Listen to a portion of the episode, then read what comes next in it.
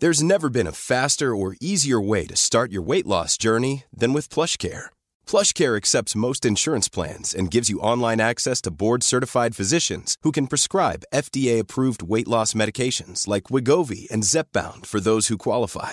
Take charge of your health and speak with a board-certified physician about a weight loss plan that's right for you. Get started today at plushcare.com slash weight loss. That's plushcare.com slash weight loss. plushcare.com slash weight loss. Planning for your next trip?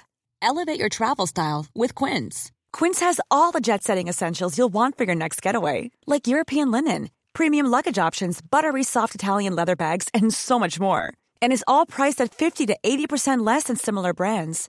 Plus, Quince only works with factories that use safe and ethical manufacturing practices.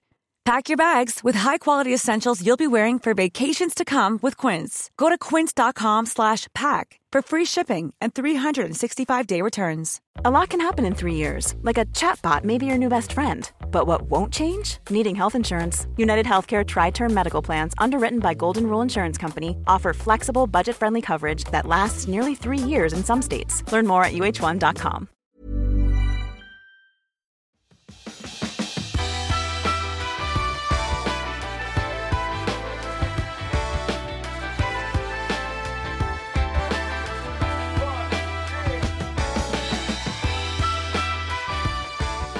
Hej och välkommen till Klimakteriepodden med mig, Åsa Melin.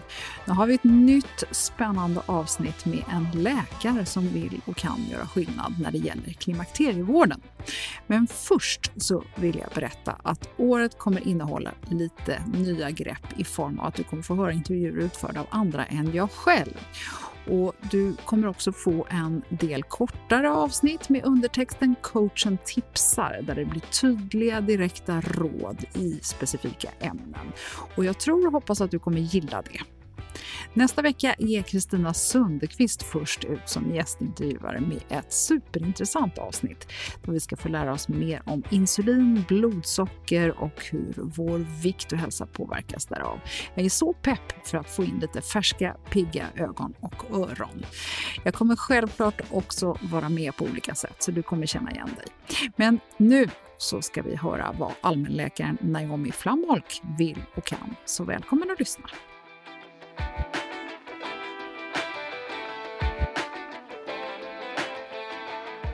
Då, Naomi Flamholk, då vill jag önska dig hjärtligt välkommen till Klimakteriepodden. Tack Åsa, jättekul ja. att vara här. Ja, men berätta, vem är du? Jag är 40 år, kommer från Malmö, vilket man hör på min accent. Eh, jag har studerat till läkare i Danmark. Jag var klar eh, för cirka 10 år sedan. Har sedan jobbat inom olika områden, bland annat akutmedicin, barnmedicin, alltså pediatrik och infektion. Innan jag då började jobba eh, som allmänläkare eller för att bli specialist inom allmänmedicin. Eh, jag har också jobbat i Nordnorge och eh, i Afrika wow. för Läkarbanken. Så det har varit jättespännande. Ja, vad häftigt. Ja. Och nu har ju du eh, kommit in mycket på det här med kvinnor och du har engagerat i det här och det kommer lite grann från ett behov som du har sett när du har jobbat på vårdcentral. Kvinnor 40 plus, vad ser man på vårdcentralen som allmänläkare? Ja, precis. Det är faktiskt en väldigt bra fråga, för vi har ju många liksom patienter just i den här åldersgruppen. Och jag upplever att kvinnor 40 plus inte alltid mår så bra. Jag upplever att det är mycket stressorer kallar jag det, men det är mycket stress i livet. Det är mycket höga krav, både på, som, liksom i familjen och i arbetslivet och på sig själv. Eh, idag är det ju så att man får ju barn när man är äldre ofta. Eh, och då kan det liksom sammanfalla med att det har varit mycket hormonell obalans i många år. Eh, och det blir mycket sömnlösa nätter och mycket måsten och stress i många år. Eh, och då sammanfaller det, detta ofta med 40 plus. Och i den här fasen så kan det bli så att hormonerna börjar svaja ännu mer. Kanske på grund av det som heter perimenopaus, alltså det många kallar förklimakteriet. Eh, men då tänker jag ändå så här, vi, vi får ju ofta höra att allmänvården är ju liksom frontlinjen. Det är ju här, det är ju ni som ska plocka upp oss. Det är ni som ska analysera vad vi behöver och stoppa oss i rätt fack och skicka oss vidare om det behövs. Eller... Så vad är problemet egentligen? För att det är så många som inte tycker att de får korrekt hjälp på vårdcentralen. Ja, men man kan väl säga så att primärvården är ju liksom första linjens eh, liksom sjukvård. Vi ska kunna lite om mycket. Och eh, detta gör ju att det är en väldigt spännande specialitet, men det är också en väldigt svår specialitet. För man ska kunna så brett eh, och man ska vara uppdaterad hela tiden. När du kommer till, till vårdcentralen så är risken att du hamnar hos någon som kanske inte har liksom intresset inom eh, kvinnohälsa på det sättet. För att man kanske inte kan begära att alla ska vara lika intresserade och uppdaterade inom allt. Det tror jag är ett av eh, problemen i förhållande till eh, klimakteriet som man kan uppleva som kvinna. Att man kanske inte får den liksom, gehöret eh, och den uppmärksamheten som man förtjänar i varje fall. Men hur går snacket mellan er på, som jobbar på en vårdcentral? Jag tänker så här att man diskuterar ju ändå vilken typ av patientproblem man har och vilka som vad är det jag inte lyckas lösa? Försöker man inte prata med sina kollegor om? Jo, och det gör vi ju om egentligen nästan allt. Vi, vi, vi pratar igenom svåra fall och, och, och vi, vi liksom hjälper varandra. Men jag kan säga att klimakteriet eller övergångsåldern pratar man mycket sällan om. Jag jobbar ju på en vårdcentral i, eh, kan man säga, centrala Stockholm. Eh, det är liksom min referens. Eh, det, det skiljs ju väldigt mycket åt beroende på var man är i Sverige. Det vet vi också bland annat från Socialstyrelsens rapport där man tittade på detta. Så det var väldigt, väldigt tydligt att kunskapen hos vården var väldigt olika mm. beroende på var i Sverige man var. Men Naomi, om man då tänker ändå att är det inte väldigt konstigt att kvinnor 40 plus, som ändå är en så stor patientgrupp, att man inte liksom tänker klimakteriet och blir duktig på klimakteriet? Mm. Jag tror ju problemet är att eh, efter den här VHI-studien kom, inte tänkte på detta med, man slutade eh, behandla klimakteriet. Du har ju pratat mycket om den studien här i podden tidigare. Men, men man blev så pass rädd för hormonbehandling att man, liksom, man glömde bort hela det här området. Och jag tror i Sverige har vi inte tagit tillbaka detta. Vi har inte kommit upp på den nivån som man, i varje fall när det gäller forskning och prioritering som man gör i till exempel USA, England, Tyskland. Det är ett helt annat fokus på klimakteriet. Så jag tror inte vi har liksom kommit tillbaka efter den studien. Men jag förstår ju ändå inte att man, om, om nu patientgruppen är så stor och de mår dåligt, att man inte har tagit in det här. Vad gör man istället för att bli av med patienten? Jag tror inte man ser patienten. Jag, jag tror att det som krävs med den här patientgruppen ofta, det är ju att man, har, man sätter på sig sina klimakterieglasögon och så letar man efter klimakteriet. Och gör man inte det, då tror jag man glömmer bort det helt. För många av symptomen i klimakteriet är ju så lika många andra sjukdomar. Och, och vi ska ju se det så brett så att det är ju inte alltid att de kommer in med en lapp i pannan där det står klimakteriebesvär, utan det kan stå på bokningen stress till exempel, utmattning, nedstämdhet, ledbesvär, allt möjligt. Trötthet är ett av de vanligaste orsakerna till varför man söker vård. Mm. Eh, och psykisk ohälsa är då väldigt, väldigt vanligt. Liksom startar man fel liksom i ett samtal där man inte frågar om blödningsmönster och, och, och, liknande, då tror jag att man inte hamnar där. där man, då tror jag man hamnar på ett helt annat ställe. Och eh, då kanske risken är att man ibland behandlar med antidepressiva eller, eller liknande istället. Så att det kan också ha att göra med att kvinnan kanske inte alltid säger det som vi borde höra, vilket kanske är att hon berättar också om sina tankar omkring det, sin eh, menstruation, om den har ändrats eh, och mycket annat. Men det kan ju också vara så att om inte kvinnan eh, Nej, ingen är den, vaksam. Nej, ingen är vaksam. Om, man inte har den, mm. om kvinnan inte har den kunskapen så att hon kan liksom presentera och säga jag tror det är detta och detta, då kanske inte läkaren fångar upp det. Så att jag tror det är brister på väldigt många mm. ställen. Ja, och då kan jag ju inte tro annat än att det är jättebra att vi pratar om klimakteriet, ja. för det fångar ju även professionen lika väl som vi kvinnor fångar upp det. Precis. Eh, sen är det viktigt att vi inte glömmer bort eh, andra sjukdomar som kan faktiskt vara med i bilden i alla fall. Mm. Jag, jag, tänker så här ändå, det som allmänläkaren börjar ju få en, eh, en ännu viktigare roll i klimakterievården och vi vet att Läkemedelsverket håller på med riktlinjer som ska träda i kraft för primärvården nästa år. Eh, vi vet också att eh, ni, liksom, ni, ni är väldigt viktiga för oss. Och, och hur tänker du då med liksom, hur tänker du att er roll kan förbättras? Ja, jag tycker ju att primärvården borde liksom ha en mycket bättre kunskap och en mycket mer uppdaterad kunskap. Jag tycker man borde fokusera på det. Eh, för jag tror egentligen att det finns många som är intresserade av det. Men om problemet är ju framför allt i storstäderna, men, och det är ju, då pratar vi om storstadsregionerna, men, men det är också där det bor mest kvinnor. Så det är också där eh, vi behöver behandla mest mest eh, kvinnor i förhållande till ute på landsbygden där det bor mycket mindre folk. Men där tror jag att man har en större kunskap för att man har en större erfarenhet för att man, man behandlar den här patientgruppen. Mm. Eh, men, men i varje fall i storstadsregionerna, där, där har vi ju en tendens att vi remitterar, alltså vi skickar allting vidare till specialistvården.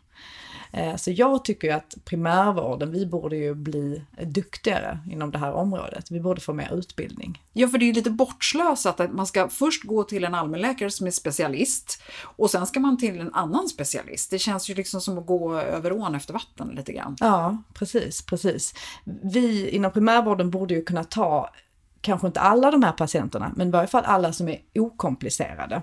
Mm. Eh, jag tycker primärvården har ju den styrkan att vi är ändå mycket mer lättillgängliga än vad specialistvården är. Vi har kortare väntetider. Vi har också längre tid till samtal och vi är vana vid samtal. Vi är vana vid att lyssna. Vi har mycket psykisk ohälsa och där lyssnar man mycket. Eh, vi har ju också, vi är vana vid att prata, vi ger råd, vi berättar olika behandlingsmetoder och det tycker jag att vi ska liksom utnyttja inom klimakterievården för jag både tror och jag har en väldigt stark känsla av att kvinnorna ofta inte har den kunskapen och de har inte fått de rätta råden och informationen från vården. Och det tycker jag är väldigt tragiskt. Men man pratar ju hela tiden om tidsbristen. Ja, och visst, vi har också tidsbrist inom primärvården, verkligen. Det har vi. Vi har jättemycket att göra, absolut för mycket. Men vi har ändå liksom en möjlighet till att ta tillbaka patienten till exempel. Så att det man inte hinner på ett besök kanske man hinner på två. Eh, så att jag tror ändå att, att det är möjligt, men man måste ju liksom fokusera på något sätt på det, på, på, i detta fallet på klimakteriet. Mm. Du är ju väldigt engagerad i regionen också. Du är ju en av de som sitter med i den här gruppen som utarbetar Region Stockholms vårdprogram kan man väl kalla det för, för klimakterie, hur man ska hantera det. Mm tillsammans med professor Angelica Lindén Hirschberg, Natalia Cruz och med SFOGs, eh, alltså ni är ju ett fantastiskt gäng som sitter eh, där tänker jag. Mm. hur kommer det arbetet som ni håller på med nu förändra arbetssättet ute i primärvården? Jo, men jag tror och jag hoppas ändå att det kan uppmärksamma den här patientgruppen mer eh, och göra att, att det blir mer liksom fokus på en uppdaterad kunskap. Jag tror det och jag hoppas det. Eh, vi håller på att ta fram en klimakteriemall, alltså det betyder en mall där man skriver besöksanteckningar helt enkelt. Det vi har nu, det är att vi har en vanlig journalmall som är liksom för alla besök. Nu kommer vi ha en specifik som är för klimakteriet och det är väldigt bra för då uppmärksammar man den här patientgruppen när man går in och väljer journalmall. Jag tror det är väldigt, väldigt bra. Och då ska den finnas eh, för barnmorskor, för primärvården och för gynekologer inom öppenvården, alltså inte på sjukhus. Och då ska det vara samma mall som vi använder. Så det tror jag kommer att bli jättebra. När vi, när så den... man, liksom, man snubblar på, man kan inte glömma bort det i sin, sitt möte så att säga med Pre patienten. Precis, vi utgår från Menopause Rating Scale som många säkert hört talas om, där det är specifika symptom som är relaterade till klimakteriet, så att man inte glömmer bort. Mm. Mm. Du, vad, vad, du personligen, vad, vad, ser du som störst eh, utmaning med klimakterievården? Ja, jag skulle ju säga att, att det är det här liksom okunskapen bland vårdpersonal som är ett stort problem. Eh, men också att man kanske inte arbetar mer tvärprofessionellt. Jag, jag, tycker att man alltid ska göra det eh, och, och, och, det tycker jag inte att man gör. Vad det. betyder tvärprofessionellt? Ja, men det betyder att du kan arbeta tillsammans. Barnmorskor till exempel, primärvårdsläkare, kanske distriktssköterskor, kanske gynekologer då om man jobbar tillsammans. Eh, för hade man gjort det så tror jag att vården hade blivit mycket bättre. Men det är väl det ni gör när ni håller på och remitterar fram och tillbaka? Ja, det kan man väl säga, men flödet kanske inte är så bra. Det blir ändå så tyvärr att kvinnorna hamnar liksom mellan, mellan de här professionerna och, och, och får inte liksom bra hjälp jag upplever att primärvården, vi har inte, vi, vi har inte kunskap nog. Gynekologerna har ofta tidsbrist, de har ofta besök som är 20 minuter. På de besöken ska de eh, prata, få upp kvinnan i en gynstol, undersöka, bedöma vad problemet är och sätta in en behandling och samtidigt ska de förklara vad det här är för en behandling eh, Eh, och varför den, varför den är bra för kvinnan, varför den inte är farlig och hur man ska ta den det hinner man inte riktigt på 20 minuter. Så specialistvården har tidsbrist men de har också långa, långa väntetider. Eh, sen upplever jag också att specialistvården, alltså gynekologerna, inte alltid är uppdaterade heller. Så att det blir väldigt, väldigt synd för, för kvinnorna. För, för att man vet varken in eller ut. Och ska man till exempel börja ta mediciner, då vill man veta varför och är det rätt och har jag valt rätt här bland alla alternativ?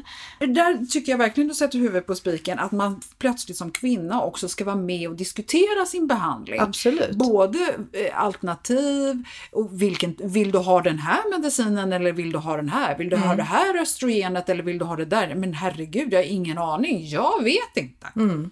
Det är du som måste tala om för mig, ja. eller vi måste ha ett resonemang. Mm. Så det, det, är utan tvekan liksom mitt största liksom, intryck nu här. Jag har ändå träffat mycket kvinnor i klimakteriet att de eh, Även om de har varit och träffat någon, det kan vara en allmänläkare men oftast är det en gynekolog, så har de inte förstått. Och, och de är osäkra på om det de har förstått och det de har fått utskrivet till exempel eh, är rätt. Mm. Och då tar de inte det. Och, och, och, det tycker jag är väldigt synd att det brister där. Mm. Eh, att man inte har informerat och gett råd eh, på ett sätt som kvinnan då kan förstå och känna sig trygg i. För det tycker jag är väldigt tydligt om man följer en del av de här olika forumen på nätet.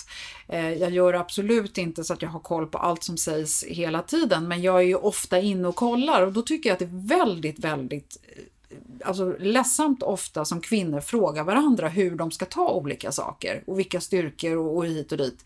För att de inte har förstått det från läkaren. Mm. Och så börjar de läsa bipacksedlar istället och mm. blir fullständigt skräckslagna. Mm. Och jag har tänkt mycket på detta och jag har tänkt, finns det något annat område eh, där det är på det här sättet? Och jag tror inte det. Att det finns så mycket sociala medier och grupper där man diskuterar hur man ska ta en behandling och hur symptom kan hänga ihop med klimakteriet och vad man ska göra åt det. Jag har aldrig sett detta på ett annat sätt tidigare och jag tror inte det finns sådana här typer av forum som är så utbredda. Men jag tycker det talar för att vår vård är bristfällig. Annars tror jag inte de här grupperna hade kunnat liksom uppstå och varit så stora. Så att som sagt, det är inte välfungerande tycker jag i Sverige och det är därför det här finns.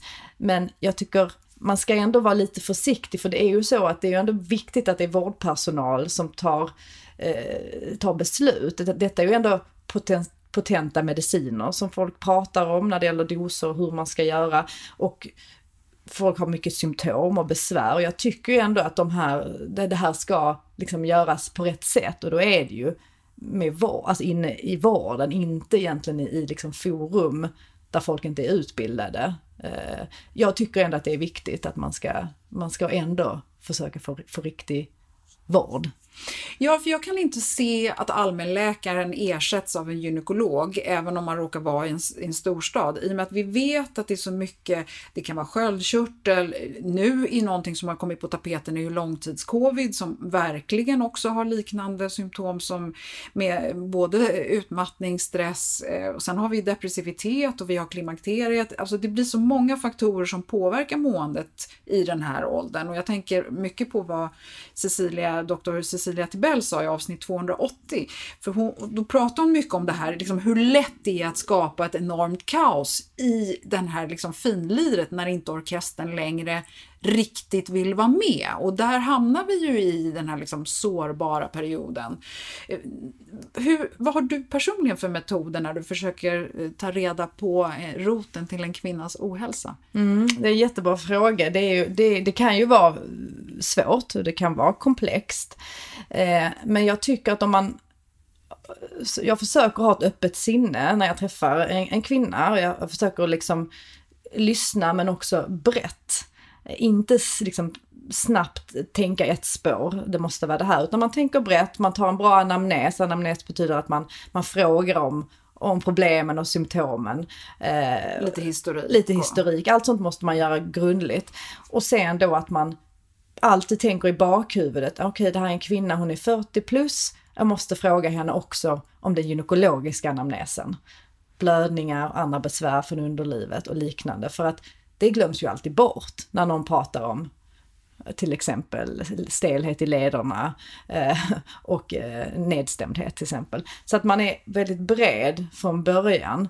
Eh, sen tycker jag på vårdcentralen att det är väldigt lätt att utesluta andra sjukdomar som, är, som ofta typiskt kan, kan, kan ha liknande symptom som klimakteriet, bland annat då sköldkörteldysfunktion, eh, alltså att det är något fel på sköldkörteln. Den kan ha en överproduktion eller den kan ha en för liten produktion. Eh, Eh, och det är ju lätt för det kan vi ta blodprov på. Och det kanske man också vet. Eh, man kanske redan medicinerar för det. Det kan man göra, men jag kan säga att det är inte allt för sällan som jag har varit säker på att detta är en det är klimakteriesymptom, men det har det inte varit. Det har varit en, en sköldkörteldysfunktion. Och, och, för det kan vara snarlikt faktiskt. Eh, och, det, och är det det, då är det viktigt för att få en helt annan behandling. Och vissa av de behandlingarna är det bra att sätta in ganska snabbt. Det, och det gör man också ibland via specialistvården. Så att det är viktigt att, att ta reda på vad det är. Eh, och, då, och, när det gäller klimakteriet tar man ju inte alltid blodprov och man gör ju inte alltid tester. För hade det varit så lätt så hade det ju varit mycket lättare. Men, men det är inte så. Men vad man gör då är att man utesluter andra orsaker till symptomen. Så sköldkörteln är ju vanlig, för den kan också påverka blödningar. Att man kan få annorlunda blödning, till exempel oregelbunden blödning, om sköldkörteln är påverkad. Vi brukar också kolla järnvärden och blodstatus för att om man har väldigt kraftiga blödningar som man kan ha i perimenopaus, då kan man ju lätt få järnbrist. Och då mår man ju inte alls bra, då blir man väldigt trött och man kan bli yr och, och man, man kan bli nedstämd och, och så. Det är också lätt att behandla så det, och det är väldigt lätt att ta blodprov på. Eh, och sen har vi allting med, med, med stress relaterad, eh, stressrelaterade symptom, vilket eh, idag är ett väldigt stort problem mm. generellt i vårt mm. samhälle. Eh, och det kan ibland vara mycket svårare att veta, är det livet? Ja, Eller... och svårare att behandla tänker jag också. Ja. Det är inte bara att ge ett piller mot stress. Nej, nej, precis, precis. Så, att, så, så, det måste man också liksom prata om mycket för att se, har du mycket, mycket stressorer i ditt liv? Eh, och, och, och, eller det kan det ju vara också. Man kan ju vara i klimakteriet och ha mycket stressorer i sitt liv. Men man måste bena ut det lite. Mm. Men spännande ändå. Ja. Alltså det måste ju vara väldigt roligt. Ja om, ja. Eh, om man liksom kommer, kommer någon vart, ja. tänker jag. Ja. Ja, jag, har, jag har sagt det förut, det, ni som lyssnar vet att jag brukar säga att hade jag fått chansen så hade jag blivit läkare. Ah. men nu är jag för gammal för det, ja. tyvärr. Eh, så nu fortsätter jag med min hobbyläkeri här.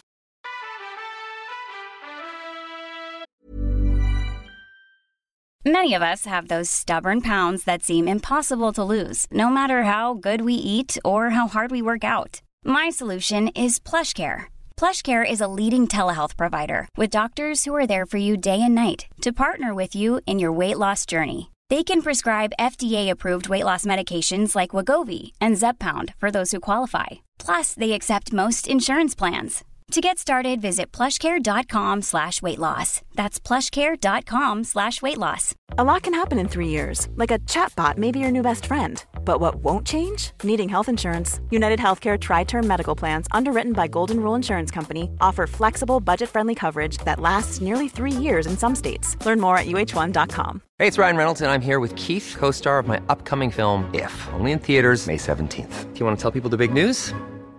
All right, I'll do it. Sign up now and you'll get unlimited for $15 a month in six months of Paramount Plus Essential Plan on us. Mintmobile.com slash switch. Upfront payment of $45 equivalent to $15 per month. Unlimited over 40 gigabytes per month. Face lower speeds. Videos at 480p. Active Mint customers by 531.24 get six months of Paramount Plus Essential Plan. Auto renews after six months. Offer ends May 31st, 2024. Separate Paramount Plus registration required. Terms and conditions apply if rated PG.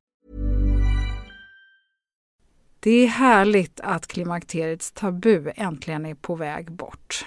Vill man försöka klara sig utan hormonbehandling så finns nu många nya kosttillskott som lovar bland annat hormonell balans och som ska stötta brister. Jag vill lyfta min räddare i nöden, Femarel. Det har inte bara varit min utan många andra kvinnors räddning i över 20 år. Och med lång tid på marknaden, med nöjda användare, dessutom med 20 forskningsstudier så vågar jag säga att det kan vara en god idé att prova Femarel. Femarel finns på apoteken och i hälsokostbutiker. Tack Femarel som varit min samarbetspartner i många år.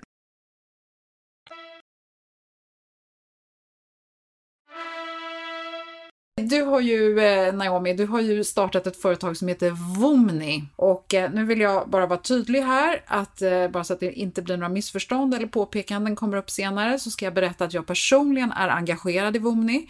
Eh, ni kontaktade mig eh, för ungefär ett år sedan, du och Elin, en av dina partners eh, i, det här. Och jag har varit rådgivare under nu ungefär ett år. Och det har varit otroligt roligt att kunna bidra med patientperspektivet som jag ju verkligen har liksom tillskansat mig av alla er som lyssnar som är så generösa med att komma med frågor och eh, undra och eh, tro att jag kan lösa problem. Eh, det kan jag tack vare mina gäster till viss del, men, men det finns ju ändå ett enormt behov eh, där ute. Men eh, oavsett så tycker jag att det här projektet är oerhört spännande och det har varit väldigt roligt för mig att få vara med i det och det är väldigt konkret och konstruktivt. Eh, vi kan väl eh, prata lite om Womeny, men först så tänker jag, vad, dels vad, stå, vad står Womany för? Womany så då stavas W-O-M-N-I, står då, W står för woman eh, och WOMB, och det, WOMB betyder livmoder, och sen så står O för omni och det betyder alla. Mm. Så, att, alla kvinnor med livmoder? Ja, så kan man säga. Ja. Eller har haft, man föddes med livmoder ja, i alla fall. Det är inte alla som har en Nej. Nej. Eh, och berätta, vad, vad är Vomni? Vad erbjuder Vomni och vad fyller Vomni för funktion? Womni, eh, jag kan, tänkte jag skulle berätta också hur, hur idén till ja. detta startade faktiskt. Mm, eh, det var så att jag skulle på min arbetsplats göra ett förbättringsarbete eh, som ingick då i min sån här specialisttjänst. Eh, och då ville jag göra något inom kvinnohälsa och vi har en eh, mödravårdscentral hos oss. Så att då gick jag in till eh, mina fantastiska barnmorskekollegor och frågade, har ni någon idé, något jag kan göra? Och då var det en av mina kollegor som sa att, ja men du, eh, klimakteriet, det är det nya heta. och sen gick hon. Och så tänkte jag, jaha ja, okej, okay, klimakteriet, då, då eh, får jag väl läsa på lite och se vad hon vad menar och vad hon tänker. Så gjorde jag det och sen så gjorde jag så att jag la upp en annons på eh, Facebook där, jag arbetar i det området. Så la jag upp en grupp i, eller en, en annons och skrev så här, ja men jag är läkare, jobbar eh, här på vårdcentralen och eh, ska göra ett forskningsprojekt om klimakteriet. Är ni, är ni intresserade får ni gärna höra av er till mig. Eh, och då fick jag jättemycket respons på det, jättemycket kommentarer, jättemycket personliga meddelanden och jättemycket bokningar med klimakterierelaterade besvär. Och det hade jag inte räknat med. Eh, och då tänkte jag, men vad är det här? Eh, är det, är det, detta är någon del då av sjukvården som jag inte känner till, att den är så pass liksom eftersatt. För tydligt, det var tydligt att, att det var massor av problem som kvinnorna inte kände att de fick hjälp med. Så där började det eh, och då gjorde jag ett litet mindre forskningsprojekt om hur fysisk aktivitet på recept kunde förbättra klimakteriesymptom. Eh, och i mellantiden där hade vi motiverande samtal med en, eh, en sjuksköterska hos oss Eh, som då skulle motivera till den här fysiska aktiviteten. Och så tog vi lite blodtryck och lite blodprov med kolesterolvärden och lite bukomfång och, och, och gick igenom då klimakteriesymptom. Och det var ju tydligt att om man lyckades hålla sig fysiskt aktiv, och då liksom verkligen tränade flera gånger i veckan, så blev många mycket, mycket bättre på alla plan. Eh, det var ju inte bara klimakteriesymptom, men egentligen allting. Ja. Men det var ett väldigt litet projekt, men det, men det var ändå väldigt intressant. Och det var där allting startade eh, med mina tankar. Men därifrån till att starta ett företag som ska specialisera sig på klimakterievård. För vi har fortfarande inte sagt egentligen vad är, vad är Womni och vad, vad, vad eh, fyller det för funktion så att säga? Och Ja. vad kan ni, Womni erbjuda?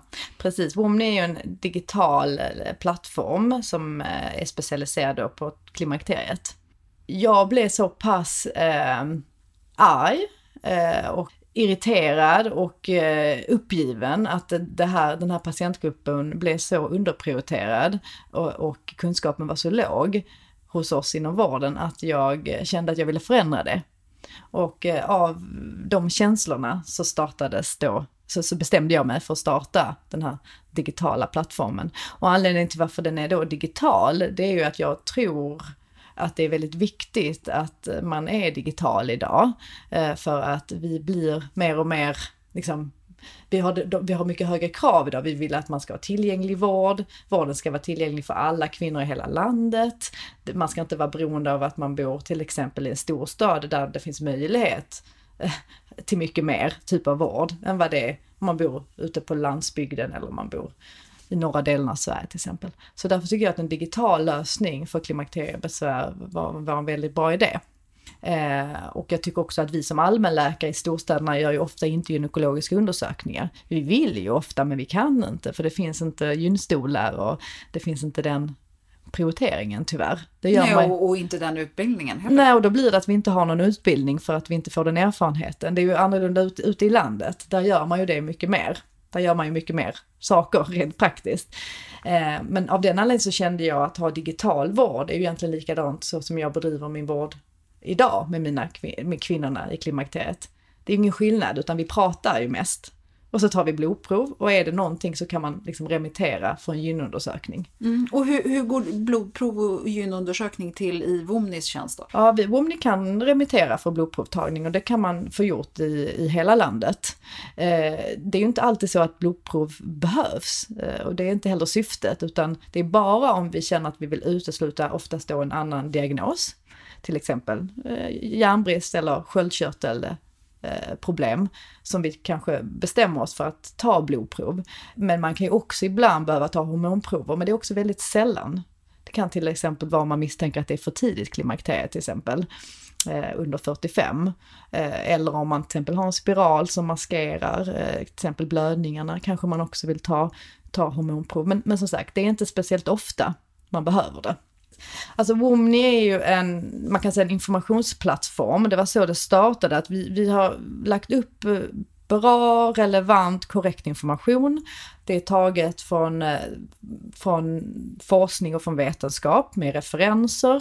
Och vi har också gjort ett test, ett självskattningstest som vi har utgått från Menopause Rating Scale, som är den här internationella eh, enkäten där man fick där man då fyller i alla symptom som man har relaterade till klimakteriet. Vi har utgått från den och gjort då ett test som man kan göra helt, helt gratis på hemsidan. Eh, och när man har svarat på de frågorna så får man ett, ett svar där man får en, liksom, eh, en typ som man skulle kunna tillhöra, vilket betyder att man är en, en viss fas i klimakteriet. Till exempel att man är perimenopausal, att man är postmenopausal eller liknande, eller för tidigt klimakterie. Och så får man, red, får man lite individuella behandlingsmöjligheter utifrån de svaren. Och även råd. Och råd. Så, som skulle kunna vara bra för en. Och det, allting är individuellt taget från testet som man har gjort och hur man Så har det här, svarat. tänker jag, det, här, det här kan man ju också ta med sig till sin allmänläkare, svaret från det här testet. Ja, Eh, absolut. Eller man skulle kunna ta med sig det till en gynekolog om man tycker att det är svårt att reda ut vad man själv har. Eh, Så det är väl jättebra. Så att man måste ju inte boka ett besök på Womni Nej. för att ändå dra nytta av det här självskattningstestet. Precis, absolut. Och på vomni.se så kan man ju då boka besök med läkare eller barnmorska och då kostar ju det pengar. Varför gör det det? Min tanke från början var ju att jag ville liksom erbjuda lika vård för alla. Det är det sjukvården borde göra, men det är ju inte så tyvärr alltid. Men tanken var att detta skulle vara något vi bedrev med vårdavtal, alltså att det skulle bli då en, eh, inte en privat verksamhet. Men när vi undersökte möjligheterna för detta så insåg vi att det var svårt att, att, att få igenom det och, och, få det att gå runt. För att det är så, det, det är så komplexa, komplexa och dåliga ersättningsmodeller inom regionerna. Att det är svårt att bedriva den vården just för klimakteriet. Nej. Så man skulle kunna göra det på ett annat sätt men det krävs enormt liksom inflöde av patienter för att det ska bli lönsamt. Och i och med att detta inte är, detta är ju ingen verksamhet som Kry eller min doktor, vi har ju inte det här stora inflödet av patienter varje dag. Så hade det varit svårt för oss för att få det att gå runt. Eh, det är i varje fall vårt intryck eh, när vi har undersökt det. Så att det var inte lätt och självklart att man skulle kunna göra det med vårdavtal. Eh, sen är absolut inte den dörren stängd än. Vi hoppas ju att vi kanske skulle kunna göra det i framtiden. Men vi ville gärna börja direkt och då var den privata vården den lättaste. Däremot har vi gjort så att vi har försökt hålla ner eh, kostnaderna. Så att eh, det ska ändå finnas möjlighet för alla eller för de flesta att kunna söka vård hos oss ändå. Och sen handlar det väl också om längden på besök, att det hade varit en, gjort det ännu svårare inom eh, den, den vanliga vården, så att säga, vårdavtal. Ja, man kan säga så att det som är bra här, det är ju att i och med att man har gjort självskattningstestet innan, man får en känsla av att det här kanske har något med klimakteriet att göra, då är man redan på rätt väg. Man har redan kommit ganska långt för att vi som jobbar har redan tagit del av testet innan besöket börjar. Då har vi redan många svar och vi gör ju ingen gynekologisk undersökning digitalt så vi behöver inte spendera tid på det. Så då har vi ändå väldigt lång tid. Man har 25 minuter för ett besök där man bara kan prata. Och, och det känns ändå som, som okej okay med tid. Och sen som sagt då att man kan välja, vill man prata över telefon, vill man prata över video? Eh, och som sagt var som helst, man bor i landet och vi har väldigt hög tillgänglighet. Det betyder att vi har liksom tider. Så man kan få en tid efter några dagar oftast. Eh, och så väljer man då, vill man prata med en läkare eller en barnmorska? Eh, vissa har ju behov av att prata både med läkare och barnmorskor. Eh, men, eh, men man väljer lite vad man tror man är och vad man tror, var man vill börja i varje fall. Mm. Hur, hur försäkrar eh, Vomni att personalen är uppdaterad och hur, jobbar efter samma maner? Ja, vi och har... vems maner?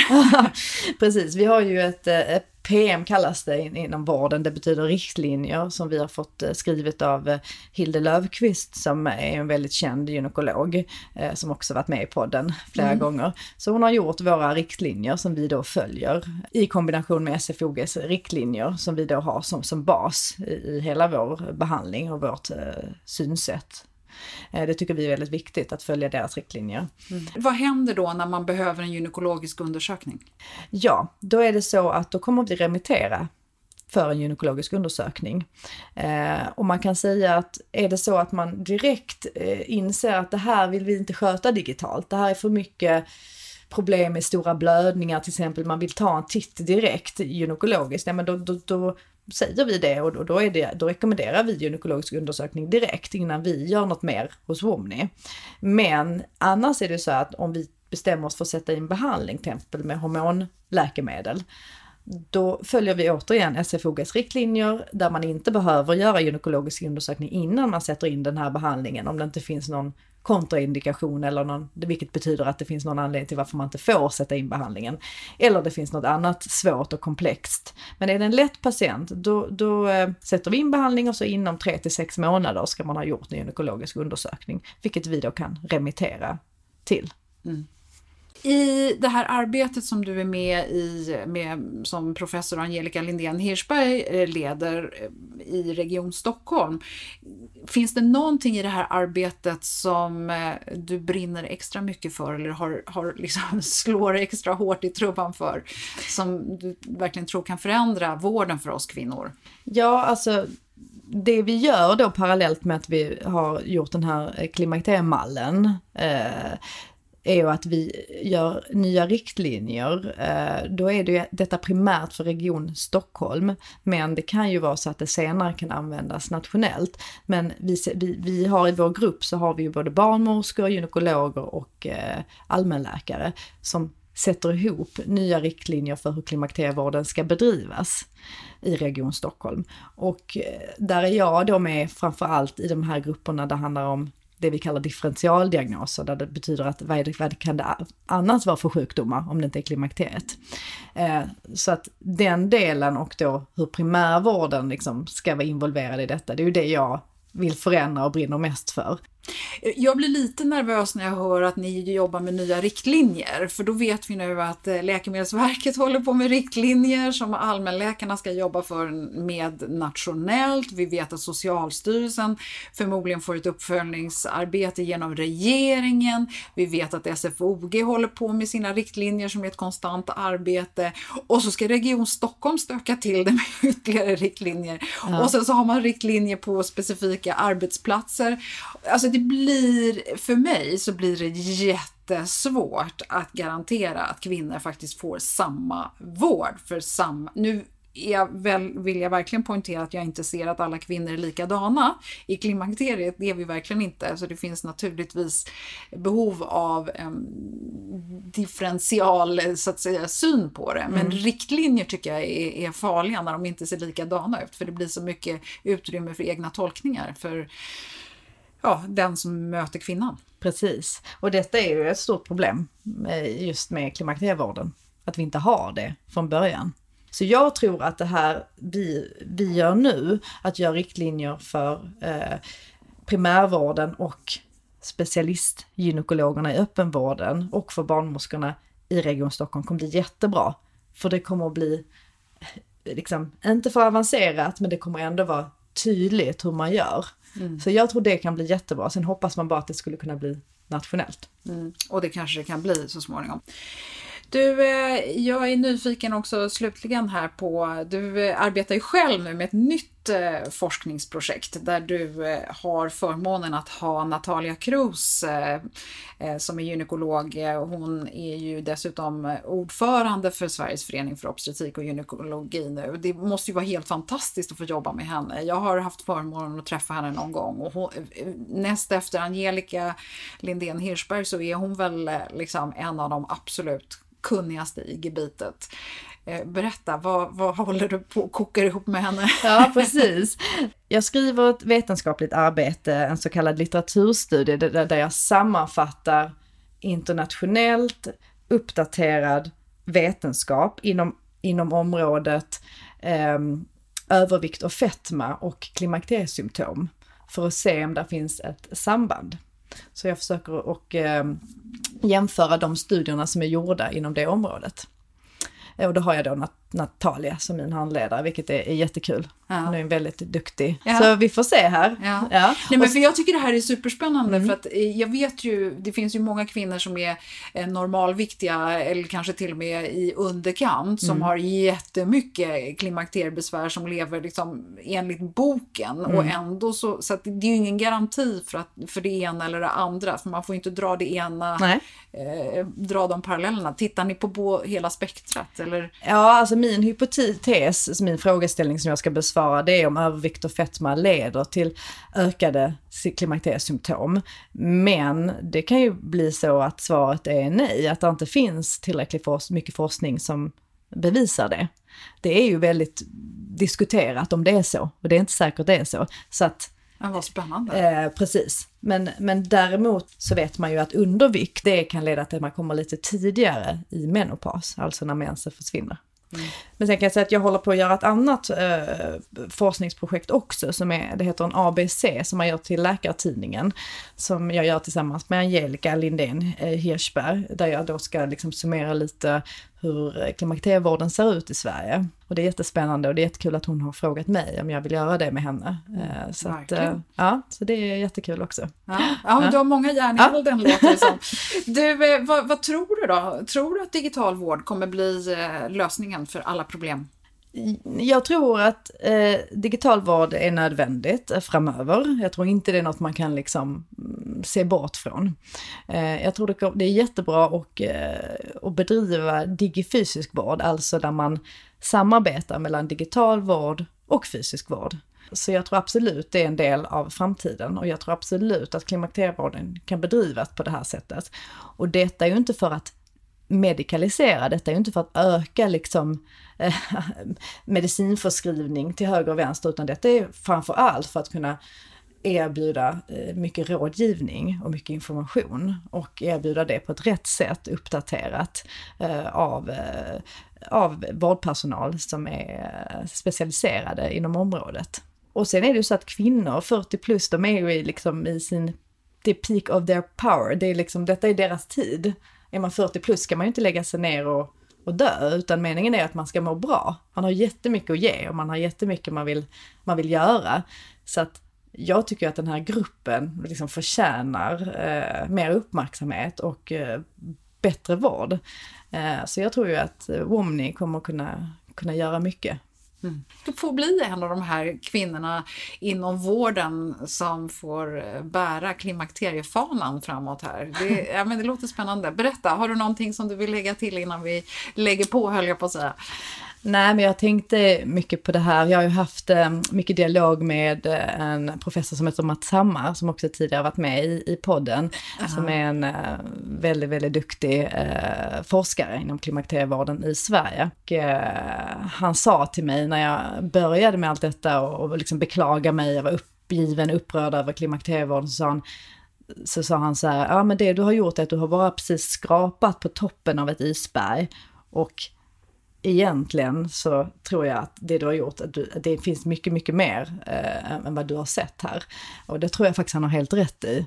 Mats har ju varit med och hjälpt oss eh, på Womni, han har eh, faktagranskar alla våra texter eh, och så, så att han är en väldigt duktig person och jag tror han verkligen har rätt i det han säger. Mm. Mm. Verkligen. Ja, vi får se vad det tar vägen. Mm. Jag tänker att eh, de yngre kvinnorna som kommer efter min generation eh, har, eh, kommer få tillgång till bättre klimakterievård. Det är jag helt övertygad om i alla fall. Det tror jag också. Ja. Mm. Tusen tack för att du kom till Klimakteriepodden mm. idag. Tack Åsa, det var jättekul. ja.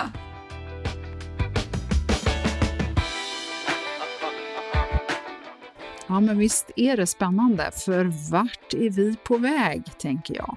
Det är underbart med någon som inte bara ser hinder, utan möjligheter att ta tag i situationen som den är. Mycket som Naomi säger stämmer så bra överens om vad vi hörde doktor Cecilia Tibell tala om i avsnitt 208. Så lyssna gärna tillbaka på det om du inte hört det.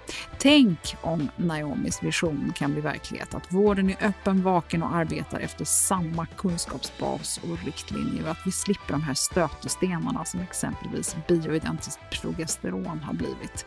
Uppdaterade och pålästa läkare som Naomi ser ju hur till exempel just bioidentiskt progesteron har en självklar plats i en palett med andra möjligheter. Jag tycker också att det är värt att komma ihåg att eh, det är faktiskt inte gratis att gå vare sig till vårdcentralen eller specialistläkare genom vårdavtalen. Och får man dålig vård och måste söka sig vidare så blir det kanske kostsamt på flera sätt. Läs gärna mer om Vomni på vomni.se. Och mer om VHI-studien hör du i avsnitt 4b. Gynekolog Hilde Löfqvist kan du lyssna på i flera avsnitt. Kolla in 169, 143, 135, 106, 107 och 22. Du kan också hitta de här via klimakteriepodden.se. Lyssna också gärna på avsnitt 200 med professor Angelica Lindén Hirschberg. Och eh, det finns eh, två avsnitt med Mats Hammar, 5 och 110. Och bland annat så har han gjort intressanta studier som visar att träning kan hjälpa mot klimakteriebesvär. Så stort tack för att du har lyssnat och välkommen till nästa avsnitt där du möter Kristina Sundekvist på min sida av mikrofonen och Eva Mörk på den andra. Hon kan massor om blodsocker, insulinresistens och en massa spännande saker som påverkar vår hormonbalans. Missa inte det. Hej så länge!